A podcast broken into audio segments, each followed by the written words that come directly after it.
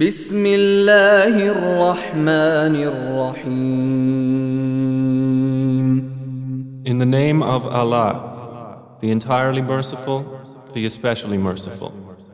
إذا زلزلت الأرض زلزالها When the earth is shaken with its final earthquake, وأخرجت الأرض أثقالها and the earth discharges its burdens, وقال الإنسان ما لها and man says, What is wrong with it?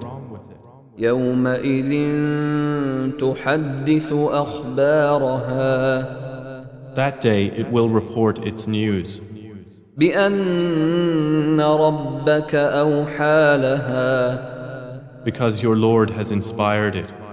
يومئذ يصدر الناس أشتاتا ليروا أعمالهم That day the people will depart, separated into categories to be shown the result of their deeds.